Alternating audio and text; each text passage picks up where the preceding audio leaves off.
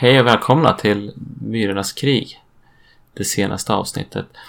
Eh, idag när vi spelar in det här så har brännbollsyran redan precis gått av stapeln och vi ser skräpet efter det i Umeå. Ja. Det är en år, lite återkommande festhelg för er som inte bor i Umeå. Men man måste nog bo en bra bit härifrån för att inte veta eller höra vad det är för någonting. Det drar in ganska mycket folk från runt omkring i Västerbotten och även Norrland tror jag. Det är inte så skräckfilmsrelaterat men det är svårt att ignorera det om man är bosatt här. Eh, ja, men hur är läget med dig Björn? Har du sett något bra du skulle kunna rekommendera? Nej, inte så jag har sett jättemycket film bortom skräckfilmstittandet. Jag kollar på The Wandering Earth på Netflix. Den var medioker skulle jag väl säga. Eh, annars har jag inte kollat jättemycket på Vad film. handlar den om? Det är ju någon kinesisk produktion om jag förstår det rätt som hela konceptet var ganska absurt men de basically jorden håller på att gå under. Vi måste lösa det och då har de kommit på att vi ska sätta massa motorer på jorden och så ska vi köra iväg med jorden till ett annat solsystem. Det var liksom hela upplägget för filmen. det är lätt skruvat men Lite svårsmält liksom men det, ja, jag vet inte. Då, jag kan komma över att skruvade konceptet, det var bara att det var så mycket överdramatiserat allting. Det kändes som att nu ville de göra så här en... Det var typ den kinesiska versionen av Pearl Harbor ungefär. Det var väldigt mycket överdramatiserade känslomässiga scener där man kände som att okej, den kunde ha varit en och en halv timme och det kändes som att den var tre och en halv timme. ja, så det här är ingenting jag behöver sätta mig och se när jag kommer hem ikväll. Nej, nej. Nej. Hur var du själv? Eh, Jag gick, tog, kröp till korset och såg eh, Annihilation, här Netflix-produktionen med Natalie Portman som är omtalad och det finns en omtalad björnscen. Jag kan ju inte säga att jag var i jättebra form, men jag tror inte jag skulle ha gillat den här filmen ändå. Jag tyckte den var lite av en besvikelse med tanke på hur uppsnackad den har varit ändå.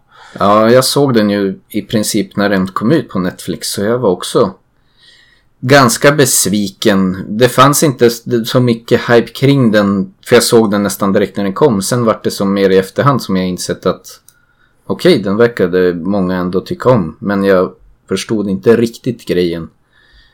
Det kanske fanns någon djup filosofisk mening som gick mig lite över huvudet där.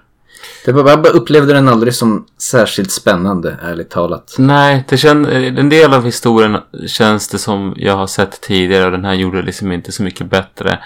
Det var kul med det här såpbubbleskimret som var över allting. Jag tyckte det var ganska snyggt. Mm. Och sen så var det ju kul att se eh, Eh, hon eh, Tuva Novotny, det svenska bidraget till den filmen. Eh, ja men det, är man skräckfilmsintresserad så är det nog ett, ett, någonting man borde se. Men det, jag tyckte inte att jag skulle prioritera den på att göra listan. Sen så har jag tittat lite på Indiana Jones. Nostalgiker som jag är. Det var väldigt roligt. Jag fattade inte att jag kunde se den som ganska litet barn. Jag minns att jag såg den som 5-6-åring. Ja. Eh, den är ändå liksom... Det, Det finns en del Beatles-filmer. ganska brutala scener i Ja. den här filmen. Det, men eh, ja, det kanske var bra för mig. Jag vet inte. Du var tidigt härdad. Tidigt här. Sen så har jag sett eh, eh, vad heter, en annan Netflix-film som inte alls är i våra marker. Men den eh, hette den med Matthew Broderick. Ferris Bueller's Day Off. Någon eh, sån här high school-film från 80-talet som var otroligt mycket 80-tal. Har en jättehög rating på IMDB och jag, den kändes så tom och eh, ytlig. Äh, men det, är inte det en sån som är liksom nostalgifilm för många då kanske? jo, jag tror att det är därför den är, så bra. Jag kommer ihåg att någon gång så såg min brorsa den när det gick på TV5 när vi var ja, men, tonåringar, alltså slutet på 90-talet. Och jag stod inte ut med den, men nu tänkte jag nu tar jag mig i kragen och ser den, för den, den har ju bra liksom, och den är gratis på Netflix. Mm. Nej, det, den tiden, de timmarna får jag inte tillbaka. Det var kul att sitta och störa sig lite grann på... Ja, den har inte åldrats väl. Eh, det finns säkert belackare ute i stugorna där som tycker tvärs emot mig. Men, och det kanske jag kan förstå, men jag, tyck, jag tyckte den inte var värd. Men vissa grejer är väl liksom där man var tvungen att vara där när det begav sig kanske för att det ska... Man ska liksom kunna se värdet i det. Ja men det är som, ja men vi åker omkring i en Ferrari och det är tokigheter och han har en synt som ger mänskliga ljud. Ja, och det kanske var, jag kan tänka mig att där och då så var det mycket häftigare men i backspegeln så känns det bara fånigt. Mm. Men eh, om man upplevde kicken då, ja men det finns säkert många filmer som jag kan återkomma och se många gånger som är precis likadana. Som bara för att jag såg när jag var Jag kan ju tänka mig, om man ska ta något personligt exempel. Det hade varit intressant om liksom helt bara visa X-Files för någon idag. Och det är ändå så här som jag tycker är skitbra. Fast sen kan jag ju ändå om jag håller en viss självdistans se att ja, det är ganska mycket som är lite fjantigt och ganska så här corny och lite b Men det var ju på 90-talet var ju det så jävla bra. Och jag Det var väldigt tycker ju det fortfarande. Ja. Och det kände jag, jag såg eh, på Six Feet Under häromdagen som är en sån här revolutionerande tv-serie tyckte man, när det begav sig, jag tyckte när jag såg den första gången så tyckte jag jäklar vad det här är häftigt och nu det var väl kanske i början på den här tv-serieeran som vi fortfarande är i Mm. och då var man inte så bortskämd med men, men nu tittade vi på det här igår och bara fy fasen vad det här känns som omodern tv. Så det var videoinspelat och det var ett annat format, inte det här widescreen-formatet. Och, men det var ju fortfarande väldigt bra skrivet. Men man märkte liksom att man var svältfödd i produktionsvärde då på Ja. tv. Ja. Så då var det ändå revolutionerande. Men idag var det fattigt på en del sätt. Ja. Ja, om, som en liten segway kanske då in i, till det vi ska prata idag. Med tanke på det du sa dock så såg ju jag och min sambo för inte allt för länge sedan den här turkiska tv-serien Son. Jag kommer inte riktigt ihåg, det betyder typ Lögnen eller något sånt där. Som, jag tror att den har gått på SVT i något skede men vi såg den i alla fall och den var ju det var också som att gå i någon sorts tidsbubbla. Jag tyckte det var ganska underhållande men det kändes ju som lite som man kollar på så här, repriser av glamour ungefär. Det var väldigt så här. När, Ja. är den när är den tillverkad då? Jag tror att den är från någon gång typ mitten 2004, Okej. 2005. Där någonstans. Jag ska inte svära exakt men den är inte jättegammal. Men den hade en väldigt så här. Det känns som att, jag vet inte om det är så generellt men i alla fall den kändes som en tv-serie som skulle ha varit superhit. Om den hade kommit här på typ, jag vet inte, tidigt 90-tal eller något sånt där. Men Mhm. Nu kändes det, ja men om man skulle jämföra med något svenskt kanske så här skilda världar ungefär. I den stilen? det är Lite i den stilen, väldigt, All right. ja. Låter inte så lockande, men det, det kanske var värt. Ja, jag vet inte. Det kanske var liksom den här kulturella flavorn som ändå gav det ett mervärde på något vis. Ja. Men ja, nu befinner vi oss alltså i Turkiet och det var väl eh, kul att vi hamnade där för det är där vi ska befinna oss i dagens avsnitt. Ja. Vi bestämde oss någon gång i början när vi spånade på den här podden att vi skulle göra som en sorts cineastisk jordet runt-resa och utforska andra länders eh, skräckfilmsutbud. Så föll det sig så att vi satt på net- och kollade på Netflix för några veckor sedan och hade, kom inte på vad vi skulle se. Så snubblade vi över en film som heter Dabbe. Med ja, snabel A. Som fanns på Netflix och vi slog på den och den var ju en turkisk film och då, föll det sig, då blir det så att då blir första jordet runt reseetappen Turkiet. Ja. Vi har väl inte några planer på följa någon sorts röd tråd runt jorden och vi kommer kanske inte göra någon nedslag i alla länder men ändå försöka hoppa, göra lite, vi kommer nog hoppa runt lite hejvilt beroende på vad vi hittar och vad som hur andan faller på. Det, det Ja. viktiga är kanske inte att göra det konsekvent och göra jättedjup research utan det här är mer ett sätt för oss att hitta lite filmer utanför där vi är vana att se och det tror jag är ganska kul också att se helt andra vinklar på skräck. Och ibland kan, det, kan man också upptäcka skräckfilmer tror jag. Som är ungefär samma historier som vi har i Hollywood. Fast det är med filippinska eller Ja, eh, turkiska ögon eller var man nu befinner sig någonstans. ja men jag ser, jag ser fram emot det. Och jag menar, vi har ju sett en del skräckfilmer ändå från olika länder. Och jag tycker det slår mig igen och igen hur ibland också ganska så här i alla fall i Hollywood-tappning lite uttjatade, ganska trötta koncept kan få som en... Bara det att det är liksom en annan setting och lite en annan kultur gör att det blir för mig många gånger mycket mer spännande för det är som... Det är inte ett- riktigt samma, man vet inte riktigt vad man kan förvänta sig så man sitter lite mer som på nålar. Ja, det tror jag det, man får lite gratis där. Mm. Och det finns olika religioner och mytologier i olika länder så det blir ju lite nya smaker att tugga på. Ja, absolut. Eh, vilket vi kommer märka senare ikväll. Ja. Sen med det sagt. Ja, vi får ju se hur väl vi lyckas. Vi, eller jag tror väl i alla fall att vissa regioner av världen kommer vara mycket svårare och kanske hitta mycket att ta fram och ta ifrån. Ja, Det är liksom- det är många länder som inte har så mycket till filmindustri. Afrika är ju en stor kontinent med väldigt mycket folk. Men det var inte så himla lätt att se mycket om deras skräckfilmer. Nej. Och det är ju... Det är ja, väl också så här hur mycket är det som når över gränserna ibland när det kommer till Ja. vissa typer av filmindustrier. Absolut. Det kanske är väldigt lokalt. Och för vissa att det helt enkelt inte kanske finns någon jättestor filmindustri. Nej, Men vi får se vad vi hittar. Det kommer bli lite så här sporadiskt och lite spontana hopp runt jorden. Men vi hoppas ändå kunna göra det här till en stående punkt där vi med jämna mellanrum gör betar av ett nytt land helt enkelt och försöker förkovra oss i deras filmkultur. Men tillbaka till Turkiet nu.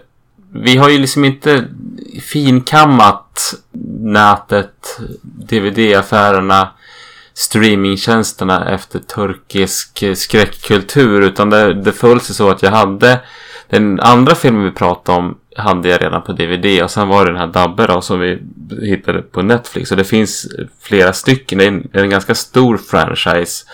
Där, eh, där vi som bara snubblade in på den här så brukar vi i vanlig ordning för att se är det här värt att lägga ner tid på så kollar vi på IMDB och den hade ganska bra betyg. Det var ju sju och det är ganska högt för en skräckfilm.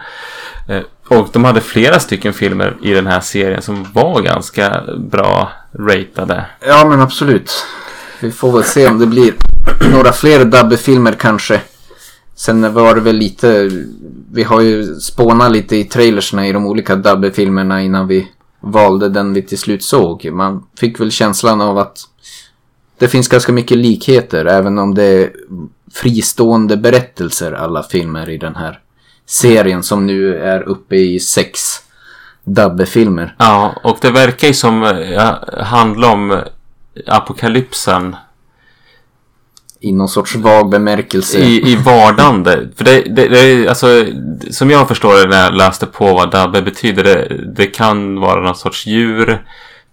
Men i Koranen finns också dabbe nämnt i vissa verser som har med apokalypsen att göra. Att det är som är något fenomen som, som, som på något vis föregår apokalypsen. Och eh, utan att spoila för mycket om dabbe, filmen som vi har sett, eh, så det kommer liksom att apokalypsen kommer genom internet och Ja. eh, Nätet som breder ut sig över världen pratar de om i referens till internet och i referens till någon koranvers som man drar där i Att- någon scen. Och, eh, ja, och, det, och det tror jag, jag tror att det här är som ett genomgående tema i hela franchisen. Utan att ha sett så mycket av de andra filmerna. Ja. ehm, Men vilken Dabbe-film är det vi har sett nu? Dabbe 4 har vi sett. Jag vet inte ens om jag vill uttala. Sin Karmasi säger Ja, och den hette någonting med Possession. Eh, Och det är liksom en exorcismfilm i found footage-format. Mm. Kort och gott. Ja, alltså man ska sammanfatta handlingen. Det är väl basically en kvinnlig karaktär. Eh, Hon är Jag psykiater. Och hon, hon håller på och forskar på ja, men, fenomenet exorcism. Och därför har hon med sig en kamera och ska dokumentera. Och där hon tar med sig kameran till är det är någon barndomsvän som har blivit besatt av någon demon. Så vi får ju liksom först följa med den här kvinnan. Om jag får tillrättavisa dig lite. Så tror jag, eller egentligen om jag förstod det rätt så liksom upplägget var väl att den här kvinnan försöker göra någon sorts avhandling om någon sån här, det finns en shaman i filmen som hävdar sig kunna fördriva såna här demoner som hon är väldigt skeptisk till. Och hon får följa med honom på någon sorts exorcism men känner sig väldigt tveksam och tror att allting ska vara stageat. Och därför ställer hon som krav till honom bara att okej okay, men jag ska välja ut offret så att säga som du ska arbeta med för att hon ska känna sig trygg med att allting är fair and square. Så ska hon följa med han och dokumentera det för att i hennes värld i alla fall från början tror jag liksom exposa att han är bara en phony typ. Men... Medan hon driver tesen att det här är psykiska sjukdomar. Hon är psykiater. Mm. Och det är där i hennes arbete ligger att se de här demonbesättningarna som psykisk sjukdom eller ja. belysa det. Och hon hoppas väl på någon sorts, som någon sorts bonus i det här. För hon väljer ju också en person som är släkt till henne och att hoppas att kunna övertyga den här familjen eh, vars dotter har blivit sjuk, om vi kallar det det då, att de ska kunna övertyga dem att acceptera psykiatrisk vård när de istället kanske mer tror på det här spirituella, religiösa liksom. Där har vi väl premissen. Filmen börjar ju tar ju avstamp i att man får ta del av en ritual där en lite äldre kvinna som anses vara besatt av en demon där den ska drivas ut, den här demonen. Mm. Och eh, man far runt på någon, i någon stor byggnad och det är liksom kvinnor som sitter i någon korridor som gråterskor och sen så går man in i ett rum det är liksom orientaliska mattor och så sitter de i ring runt en balja med någon jävla ål i. Ja. och så, så klappar de den här besatta kvinnan på ryggen för hon står ju som böjd som om hon ska kräkas. Mm. Och då ser man också den här äh, Farouk. Farouk som är äh, en, en andeutdrivare. Ja. På ett ganska smidigt sätt känns det som att man introduceras till de karaktärer som det så småningom kommer att ta fokus på. Det är kvinnan som håller i kameran egentligen. Som jag tror hette Ebro och så den här Farouk. Exorcisten eller shamanen eller det är de som spirituella har... ledaren. Jag vet inte. Det är väl de som är de två huvudrollsinnehavarna i den här ja. filmen skulle jag vilja säga. Men det är också en ganska bra spännande introduktion i liksom. Man känner ganska tidigt där att okej okay, det det är kanske någon typ av exorcismfilm men det är någonting annat. Det är som så annorlunda miljö och Ja men ett, annat, ett annat sätt, ja men precis ett annat sätt, en annan social struktur för hur man tar hand om varandras problem. Och om vi bortser från att det är en skräckfilm så jag vet inte hur det är i Turkiet men eftersom jag inte kan Turkiet alls och så kommer man och så känns det som att man, man blir helt introducerad till en fantastisk spännande värld där liksom andligheten har en annan plats. Ja, det känns som att den får kanske vara mycket mer offentlig. Eller jag tänker ur ett... Jag vet inte, om man tänker sig det här i ett västerländskt perspektiv att min mamma eller whatever har blivit besatt av en demon. Eller kanske blivit galen som vissa skulle tro då skulle vara en väldigt privat sak som man vill hålla i en väldigt liten grupp och det skulle vara en väldigt liksom... Bli inlåst på psyket istället. Annorlunda miljö. Här är det som att hela byn har samlats för Alla att stötta den här sig, ja. kvinnan som eventuellt har blivit besatt och för att alla vill liksom vara med och på något sätt hjälpa till. Det är till och med barn med där i rummet hörn. från början på ett hörn som också vill få sitta med och se om de kan hjälpa typ. Det var, ja, bra öppningsscen. Jag vet inte. Jag tycker bra, liksom på något sätt bra också. I skräckfilm så vill man ju liksom introducera monstret ganska tidigt. Jag tycker här introduceras faktiskt monstret för eh, åskådaren ganska väl. För man ser den här kvinnan som anses vara besatt. Och jag tycker att hon rör sig på ett otäckt sätt. Och sen så händer en massa saker. Och det kommer ut någonting ur munnen. Och man, är det här hokus pokus? Det kan det fortfarande vara mm. i filmen. Men det är ganska otäckt. Jag tyckte första gången eh, vi, men I början när vi såg det här så kändes det... o- Ja, eftersom vi inte visste vart det tog vägen så var det... Det var väldigt spännande. Man blev hooked ganska fort. Det Ja. liksom, jag kände ganska omgående att okej, nice. Vi har hittat en film som kommer vara intressant att se. Och det här är en film där found footage-formatet passar väldigt bra tycker jag. Man rättfärdigar också på ett rimligt vis. Ja, Att det känns inte så här... Ja, det blir ju lite genomgående kring filmen, inte bara öppningsscenen, men att man har rättfärdiga found footage på ett rimligt vis. Och det senare i filmen så sätter hon ju upp massa kameror för att fånga massa läskiga scener förstås. Men det är liksom, det rättfärdigas också för att hon ska liksom bedriva den här studien och vill samla så mycket data som möjligt. Så att det, det går i regel att köpa hela vägen. Det är inte de här jobbiga scenerna som kan bli en del found footage vi har sett när det känns som... varför filmar de nu? Varför springer de inte? Ja, precis. Det, de gör det på ett ganska bra sätt i den här filmen. Och de liksom kanske också säljer hennes skepticism på ett bra sätt som gör det mer trovärdigt varför hon mer fortsätter filma och ändå är ganska lugn och ofta kan liksom kommentera i situationer som vi kanske kan uppleva är ganska obehagliga så har ju, är ju hon i alla fall åtminstone en bra bit in i filmen helt övertygad om att ja, men det här är ett psykologiskt fenomen. Eftersom det inte är en demon så behöver jag inte vara rädd. Nej. Eh, nej, och, och jag tror en, man använder också formatet på, alltså eh, en del found footage gör ju det för att, och det är säkert så med den här filmen också, men man gör det för att det är billigt att göra. Men här har man anpassat, och det känns som att man har skrivit väldigt mycket för formatet, så det blir ganska dialogdrivet. Hon filmar Mm. och de snackar och argumenterar för och emot och ja men det är mycket diskussion om andlighet och hur äkta det är. Ja. Sen så kan man ju undra varför står han ut med henne? För hon är jävligt oförskämd mot honom Ja, och hela hans gärning. Ja. Han är jätte, jätte seriös med sin... Eller han verkar i varje fall väldigt seriös med sin... Med sitt yrke. Och vara innerlig i det. Men hon gång på gång liksom... Ja, nästan hånar det. Ja.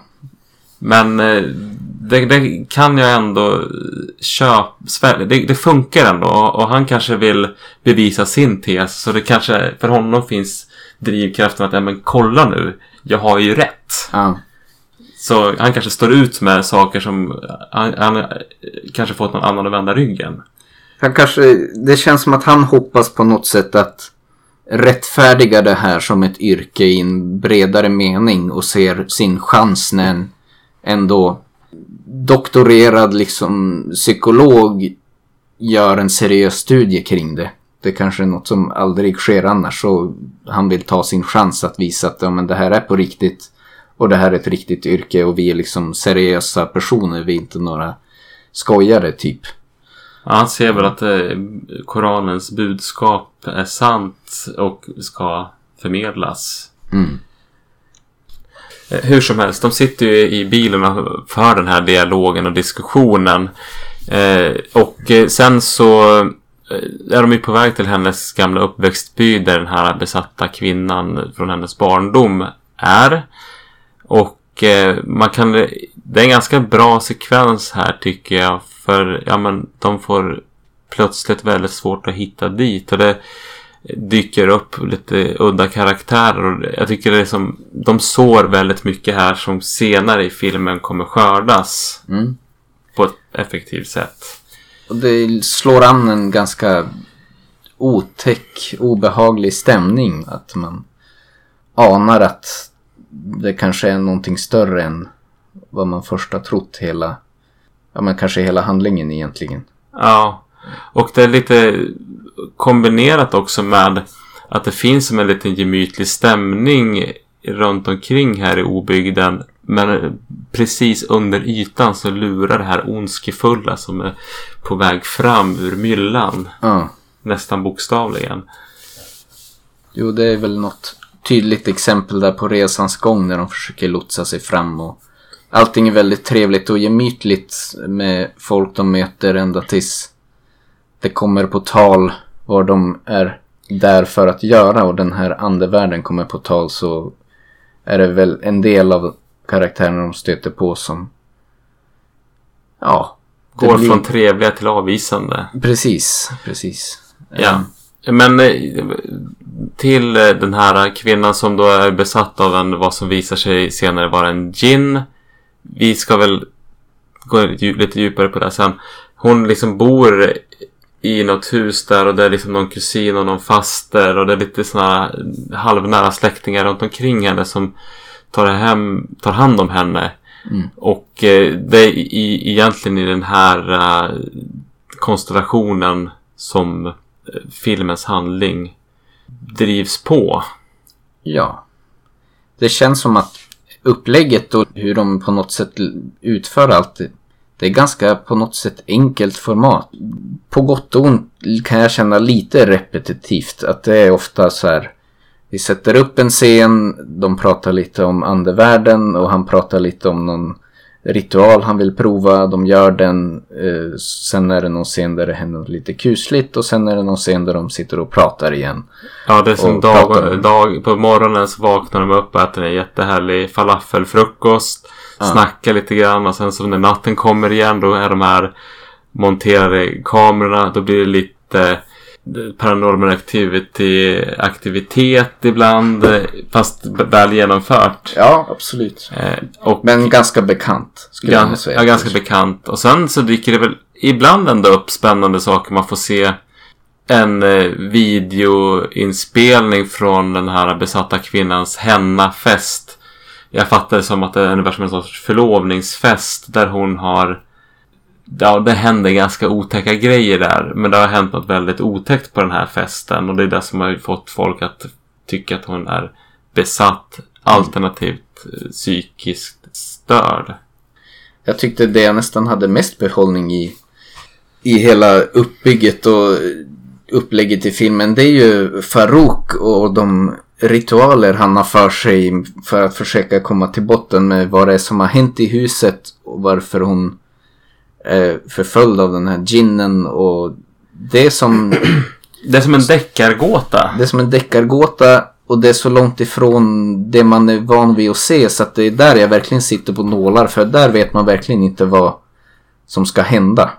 De här så kallade paranormal activity-scenerna kändes som sagt kompetent genomförda men ganska true to form. Att det var spännande, lite otäcka men ganska, det kändes som att jag hade sett det förut. Men när det kommer till de här mystiska ritualerna som han håller på med. Det händer ju en del otäcka grejer kring det också. Där sitter jag, där är jag verkligen oförberedd. Och, För det kan vara som helst när man strör ut salt på golvet kanske. Och Ja. det är många, ja men det här måste man göra.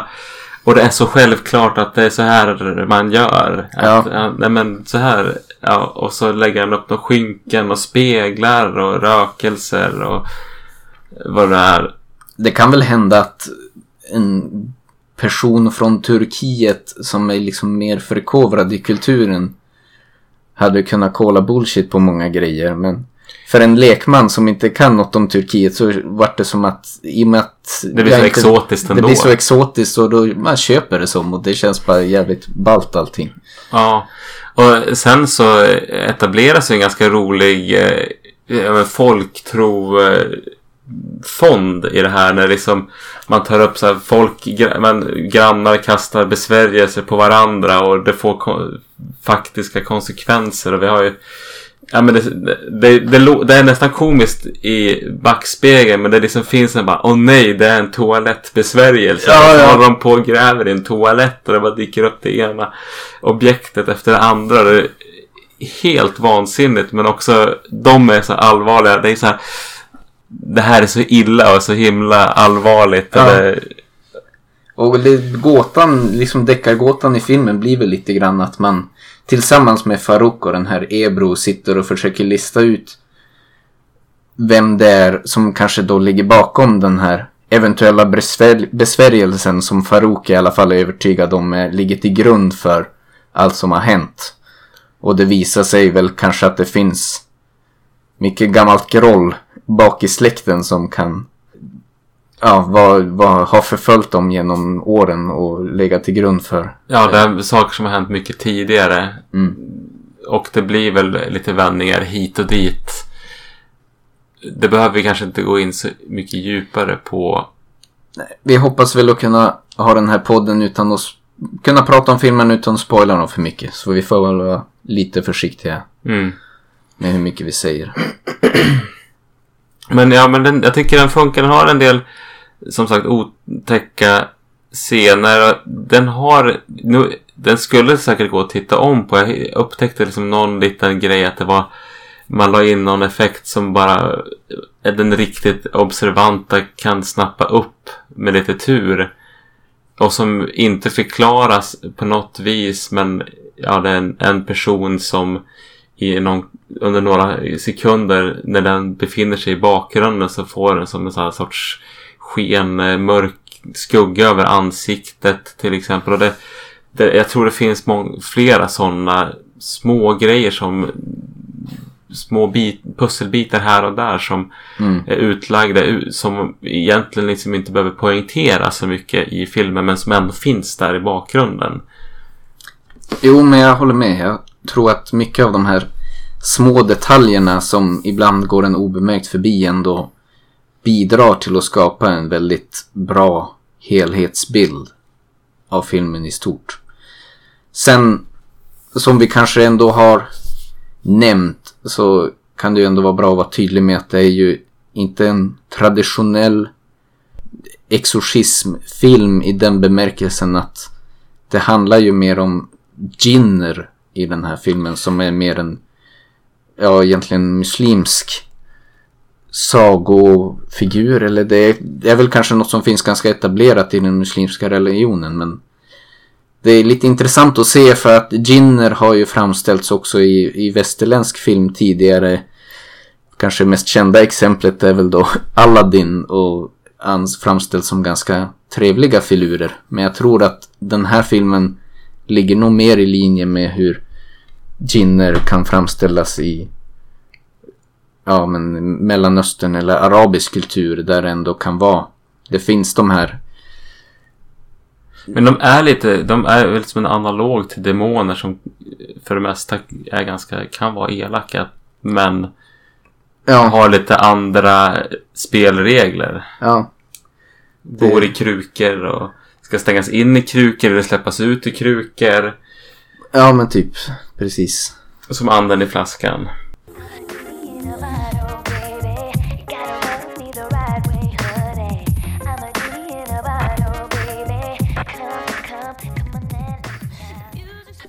Ja, eh, jag vet kanske inte riktigt vad jag ville ha sagt med att belysa det, men jag tycker ändå att det ger filmen en liten unik flavor jämfört med andra exorcismfilmer man har sett som gör att den känns ganska fräsch.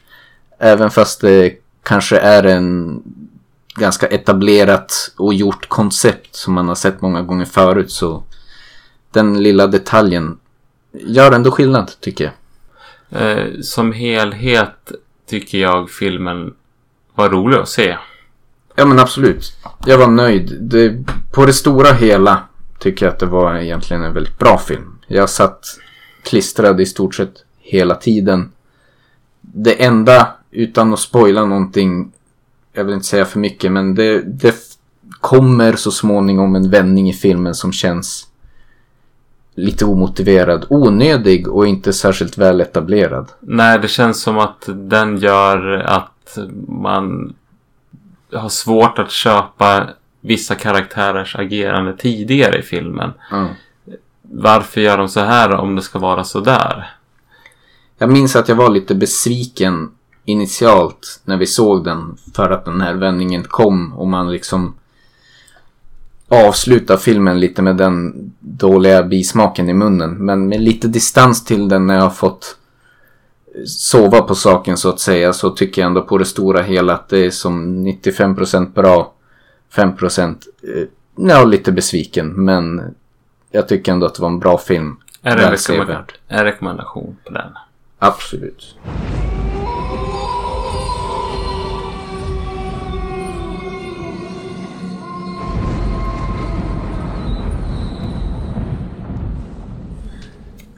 Ehm, film nummer två från Turkiet. Den kan jag, det är Baskin. Den eh, handlar kort och gott om, eh, det är en polispatrull som blir tillkallade till en, som förstärkning till en sorts brottsplats. Och eh, det går åt helvete. Och det är Bokstavligen. bokstavligen. Och det är väl ingen spoiler att man säger så. Det är inte så himla mycket till plott i den här filmen. Visar det sig. Mm. Men eh, den är eh, inspelad i Istanbul f- 2015 och den baseras på en kortfilm som också heter Baskin. Och eh, Av samma regissör. samma regissör som antagligen har fått budget till att göra en långfilm av det hela. Och Eh, den, hela filmen eh, börjar på någon sorts eh, ja, men gatukök. Eh, där de här poliserna har stannat och de ser, ja, etableras karaktärerna samtidigt som de spelar på fotboll och diskuterar olika sexuella upplevelser. De flesta av de här karaktärerna känns det ju etableras som ganska ja, karaktärer som är svåra att gilla. Om jag uttrycker Ja, mig så. Har en ganska tråkig liksom mansgrisig stil. Och skurkaktiga. Och ja. Ja. men man ska ju se stil som typ Åh, kallar du mig för bög? Säger han till någon servitören på stället och ska börja slåss. Ja. Och sådär. Missbrukar sin maktposition. Och sen, ja, jag vet inte, det kändes väl lite så här. När jag såg det i alla fall från början tänkte jag, jaha okej nu etablerar de varför det är okej att de här ska dö sen. Ungefär. Men eh, det fanns väl en karaktär som var lite mer sympatisk eller i alla fall inte deltog i det här. Ja men det var en Eller lite två. yngre, två karaktärer. En lite yngre karaktär som eh, är lite grann den som nog tanken att man ska identifiera sig med. Och sen The Boss som är någon sorts mentor åt honom. Mm. Eh, och jag tycker som eh, den här första scenen, alltså det är ju det som är riktigt bra i den här filmen är ju Ja men det är väldigt snyggt filmat och det är väldigt härliga ljud och det är så jäkligt mustigt och man De befinner sig på den här restaurangen och äter och sen så får man se när någon lägger en köttbit på grillen Och de filmar det på något sätt så jag får ju som där Nu eldar de människokött. Nu kommer filmen handla om något att de blir matade sin Ja. någon eh, polisman som har försvunnit som de egentligen är med i deras gäng. Så blir det ju inte, men det är liksom, det lyck, alltså den an- använder bildspråket på ett väldigt spännande sätt. Ja, och det skapar en obehaglig stämning. Och det finns ju en väldigt genomgående, nästan från start to finish, en liksom drömsk kvalitet över allt som sker. Och det bremar ju på nästan mer och mer med allt eftersom filmen fortlöper. Man är väldigt genomtänkta i, i färgsättningen, i hur man sätter kameran, Mm. eh, hur eh, ljudet ligger tycker jag väl också. Och sen så hoppar det lite hit och dit i tiden och man återkommer till den här eh, gatuköket där filmen börjar och, och det händer hela tiden med den här miljön saker som det reduceras mer och mer. Det blir väldigt surrealistiskt. Ja. Det känns som att det är lite svårt att prata för mycket om film. Det är som Erik sa från början. Det, det är inte så mycket till plott. Utan det känns som kärnan i filmen är lite grann det här fantastiska ändå fotot som är och liksom den här drömska, lite mystiska kvaliteten som genomsyrar allt. Men plotten är inte mycket mer än att poliser far till ett hus och sen brakar det lös. Ja. Den, jag skulle kunna... Den är lite lik Mandy kom vi fram till när vi såg den. För det är just det här audiovisuella. Det är inte så mycket den här historien man bryr sig om. Karaktärerna händer inte så mycket med. Nej. Det, de, det är inte mycket dialog utan det är mer att man får följa med på den här resan till helvetet. Och hans koncept av helvetet. Det finns många möjligheter i den här filmen att egentligen skrämma upp tittaren som jag tycker att de lite grann tappar bort. Jag vet inte, det kanske inte var meningen att skrämmas på det här sättet men det finns en sekvens när de går in som ett exempel då, går in på en, en, en gammal övergiven polisstation och de går ner i någon källare där och de snubblar över någon sekt som håller på med någon sorts ritual med sex eller vad det är.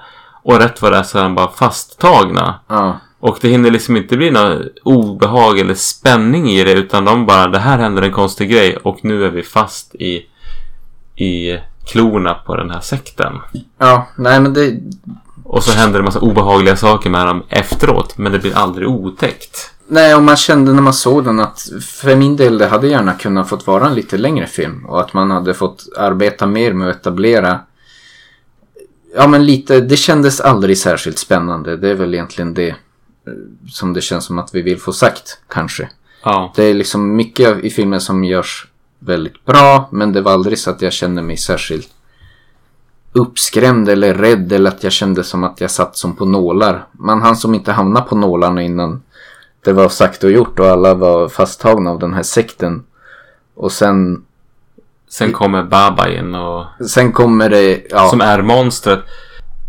Som- Och jag tror det jag vill komma till med det här när jag flikar in Baba som är huvudskurken i filmen är att man får aldrig veta om honom förrän det är för sent. Och jag tror ska man en riktigt bra skräckberättare och det här kanske är en klyscha men det är för att en klyschor finns ibland av en anledning och det är att man måste på något vis för tittaren etablera monstret eller hotet tidigt i filmen för att man i, ska uppleva spänningen. Man ska följa med karaktärerna och se hur ska de möta hotet. Så att man blir lite rädd innan de blir det på deras resa. Men här kommer inte hotet förrän de redan har hamnat där. ja, nej men det är som 0 till 100 på två sekunder. Det, man hade kunnat ta lite, de har ju en bra miljö, en väldigt spännande otäck miljö när de kommer till den här väldigt stora övergivna liksom polishuset och där liksom att de mer sakteliga hade kunnat få pussla ihop att här är det någonting väldigt otäckt som försiggår.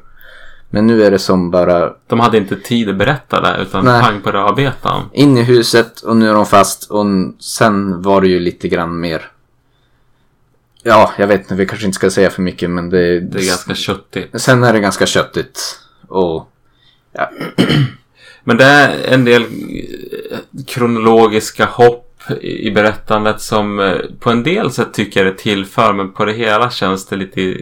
Det blir som... Ibland man fick en känsla i filmer i slutet på 90-talet när Pulp Fiction hade kommit att alla skulle göra såna här eh, hopp i berättelsen för att det blev som lite smartare då. ja, Men här för inte den här berättelsen framåt. Även om det på en del konstnärliga plan är lite snyggt. ja, jag vet inte. Om man nu ska återkomma till jämförelsen med Mandy så var det de gick som mer all in tyckte jag i Mandy på det här drömska spåret. Och allting var bara liksom flippat och coolt. Och man försökte inte så mycket mer. Men man, man försökte liksom inte lägga till med några andra pretensioner. Annat än att man nu gör vi det här. Jättebra musik, jättebra färgsättning och filmat. Vilket gjorde den filmen till en härlig upplevelse.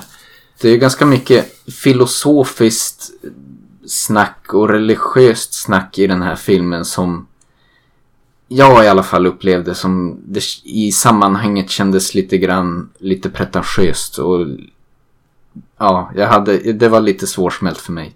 Och lite av de här konstiga klippningarna och twisterna bygger ju som in i det där. Det är liksom snack om kosmos och tiden är en cirkel och hej och hå. Men det är typ allt det man har för att etablera en del av de här konstiga klippningarna och hur allting ter sig. Det, det, det, det var som onödigt. De hade bara kunnat få gå mer på Mandy-spåret att inte egentligen försöka ens rättfärdiga sig utan bara köra all in på att det här bara är en urflippat drömscenario typ. Jag vet inte riktigt. Ja. Och det, nu har inte jag sett kortfilmen som den bygger på. Men det kanske är lite där som har hänt. Att det är kanske en bra kortfilm som har en bra idé för en kortfilm. Och sen bygger man ut det här till en långfilm. Och då, då kanske inte, då, då blir det lite att koka soppa på en spik kanske. Mm. Därmed inte sagt eh, Nu låter det som Den- att vi den- den ogillar den här filmen. Det- den är ganska var- bra egentligen. Den, den var underhållande. Jag tycker fram, till, fram tills de kommer till den här övergivna polisstationen så är det ju en, del helt... Jag tyckte det var jättebra sekvenser. Dels i början när man är på det här fiket och det händer en del skumma saker och man vet inte riktigt vart det ska ta vägen. Mm. Det tyckte jag var skruvat och väldigt mustigt. För att återkomma till det här ordet. Ja. Och sen en, min favoritsekvens i filmen som inte alls är skräckrelaterad. Men de ska åka på den här utryckningen. Och slår, så sitter de där i sin minibuss. Och de är så oborstade. Och sitter där i minibussen och så slår de på radion och de kommer på en låt och de börjar dansa i baksätet. och Ja, det. Ja, den... eh, Ja, måste nästan lägga in eh, ljud från den sekvensen. Det, ja, den var jäkligt festligt. Det var, det var klockrent. Den var bra.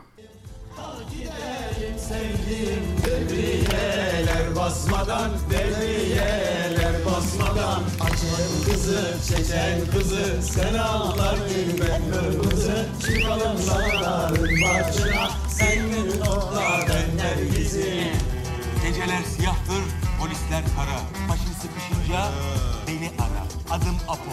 Tek bir alo, tak tak tak. Oradayım.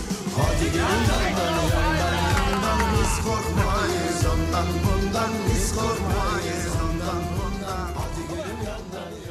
Och även tycker jag egentligen alla scener som de återkommer ju dit hela tiden utspelar sig i det här fiket. Som du redan var inne på. Liksom det älskade jag verkligen. Det var riktigt bra när man... Det är som att de skalar bort ett lager av verklighetsförankring varje gång man återkommer till det här fiket. Och det blir mer och mer drömskt och liksom absurt. Ja, det börjar med att först är det som eh, många personer på fiket och sen så blir de färre och det händer mindre runt omkring. Och sen så får man veta en väldigt viktig del av Mm. historien.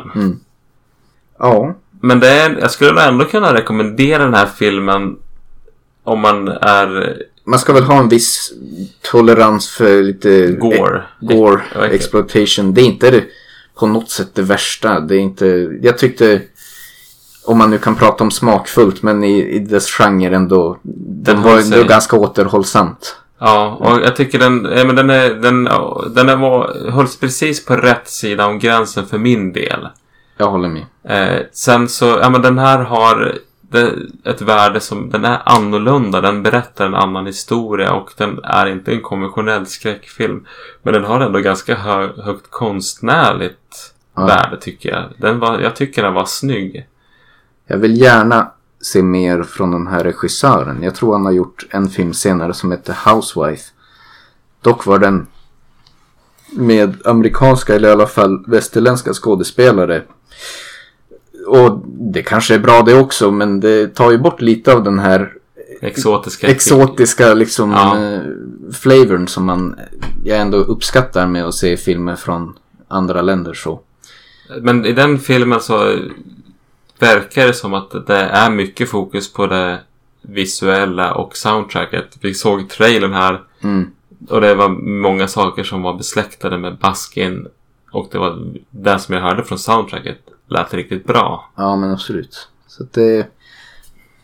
Jag, Baskin var väl värd att se. Sen lite grann aspekterna av filmen som jag störde mig på bygger nog också kanske lite på den förväntan jag gick in i filmen med. Att det var inte riktigt den film jag hade förväntat mig och jag var inte riktigt beredd på det. Och då hade jag gått in och förväntat mig en mer sån här konceptuell film där man Yta över innehåll. yta över innehåll, det var ett bra ord. Om man har det, den inställningen och kan, är beredd på det så är den här filmen bättre än om man vill ha någon klurig film där det är mycket karaktärer och mysterier. För där är det ingenting alls. Ja. Jag vet inte om jag har så mycket att tillägga om Baskin. Men den är... Ja, i och för sig. om vi ska bara ge en liten shoutout får man ju ändå säga. Även om man kanske etableras lite hastigt och lustigt så han huvudskurken så att säga i filmen är ju väldigt bra. Han är väldigt Det- bra. Ett stort plus där. Även om man kan ifrågasätta hur smakligt det är att ja, ja, huvudskurken, eller Baba, the father, han eh, har någon väldigt ovanlig hudsjukdom som ger honom ett väldigt speciellt utseende. Så han är ju inte nå så himla sminkad som man kan tro att han är och det gör att han blir i och med att det är hans riktiga ansiktsuttryck så tror jag det adderar en del obehag. Ja, verkligen. Och det, Sen- men, Det går kanske att debattera hur smakligt det är. Jag tycker inte... Jag vet inte egentligen. Jag har inte riktigt funderat på var jag ställer mig. Men det är klart att det är Ja, inte det är okomplicerat lite- att ha en eh, person som ändå lite grann figurerar med sin hudsjukdom i den typen av roll. Men Man kanske inte behöver dra så stora växlar på det egentligen men det, är inte helt oproblematiskt tycks kanske. Det är, jag såg eh, The Sentinel för något år sedan eh, som eh, Ja, det är en amerikansk film från 70-talet och då är det som figurerar en massa demoner där och då är det lite en hel drös med människor som har olika lyten ja. och det, då kändes det inte bra och det fick väldigt mycket kritik för det. Mm. Ja, hur ska Med man det få... sagt, vi- han spelar ju också väldigt bra. han, ja, han, han är bra... han är inte han sin hudsjukdom. Nej. Utan han är otroligt, otroligt trovärdig och spelar väldigt bra i rollen som den här sektledaren som han då är i filmen. Ja, Så det, så man ska inte reducera honom till... nej. Absolut inte. Han gjorde ett väldigt bra jobb och jag uppskattade han mycket i filmen. Jag uppskattade mycket kring de här drömska scenerna i fiket. Det finns mycket bra att hämta här. Är väl egentligen Och, det jag vill säga. Och så skulle jag vilja tillägga att den här har en budget på, jag läste, ja men 350 000 dollar. Det är inte Och mycket egentligen. med så liten budget så får han ur fruktansvärt mycket bild, ljud Ja. och feeling. Det osar ju kvalitet, liksom, liksom kamera och sminkning och det, det är mycket väldigt snygga scener i filmen. Det, Ja. det har han lyckats bra med och det känns som att det är nog ändå en... Ja, vi får väl se hur det går. Det är kanske inte är så lätt som turkisk regissör att slå sig in på en internationell, internationell marknad, men det är ju ändå en talang. Det tror jag. Ja. Än att hålla koll på i framtiden.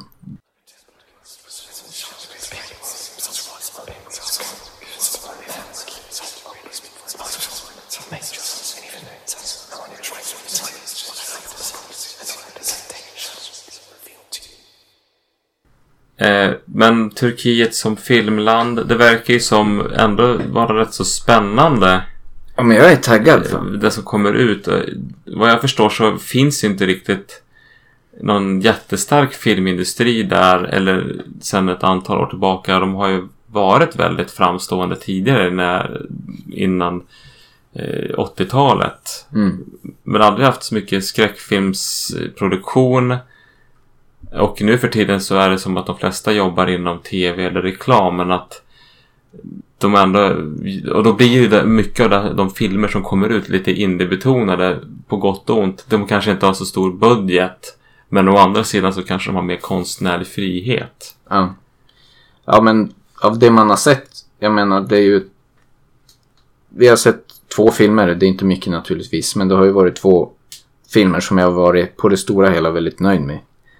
Och jag kommer nog gärna se mer från Turkiet i framtiden om det är något som dyker upp på min radar. Ja, men Så vi kommer väl få resa någon annanstans först. Det är ju, jag hade kunnat rest omkring på den turkiska landsbygden och sett några filmer.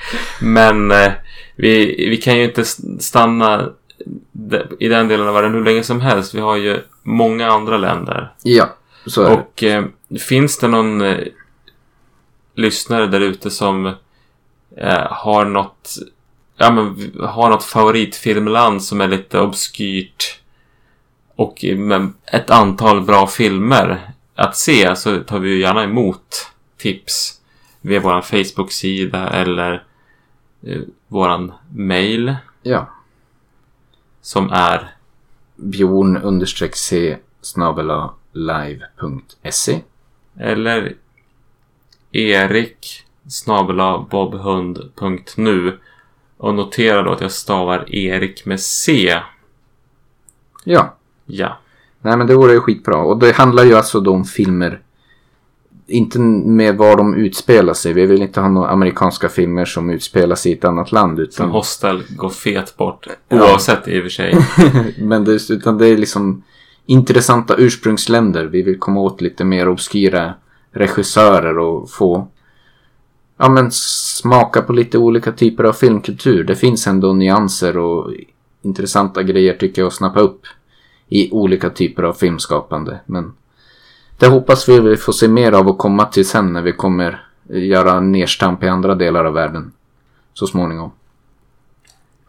Då tackar vi för oss. Ja, vi tackar för oss och på återseende. Vi får väl se om nästa avsnitt blir en del av världsresan. Det kanske blir något vi kommer att återkomma till med jämna mellanrum. Men det kommer nog också i, framgent bli en del avsnitt där vi mer casually avhandlar det vi har sett och gjort. I, Ja, må- Och lite veckorna mellan. säsongsbetonat finns det någon risk. Ja. Om vi inte redan har märkt det i den här podden. Precis. Men jorden runt-resan kommer tillbaka inom kort med ett nytt land. Tack så mycket för att ni har lyssnat. Och på återseende. Over and out. Yes.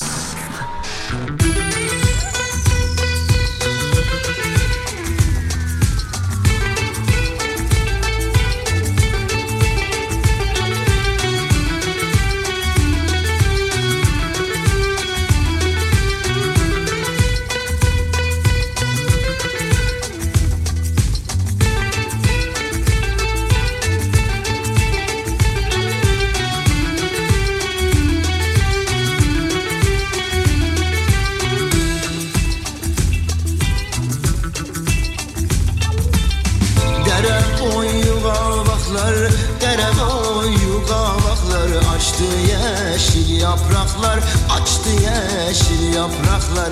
Ben yare doyamadım, ben o yare doyamadım Doysun kara topraklar, doysun kara topraklar. Basmadan gel asmadan, basmadan gel asmadan. Fistan giymiş basmadan, fistan giymiş basmadan. Kalk gidelim sevdiğim, kalk gidelim sevdiğim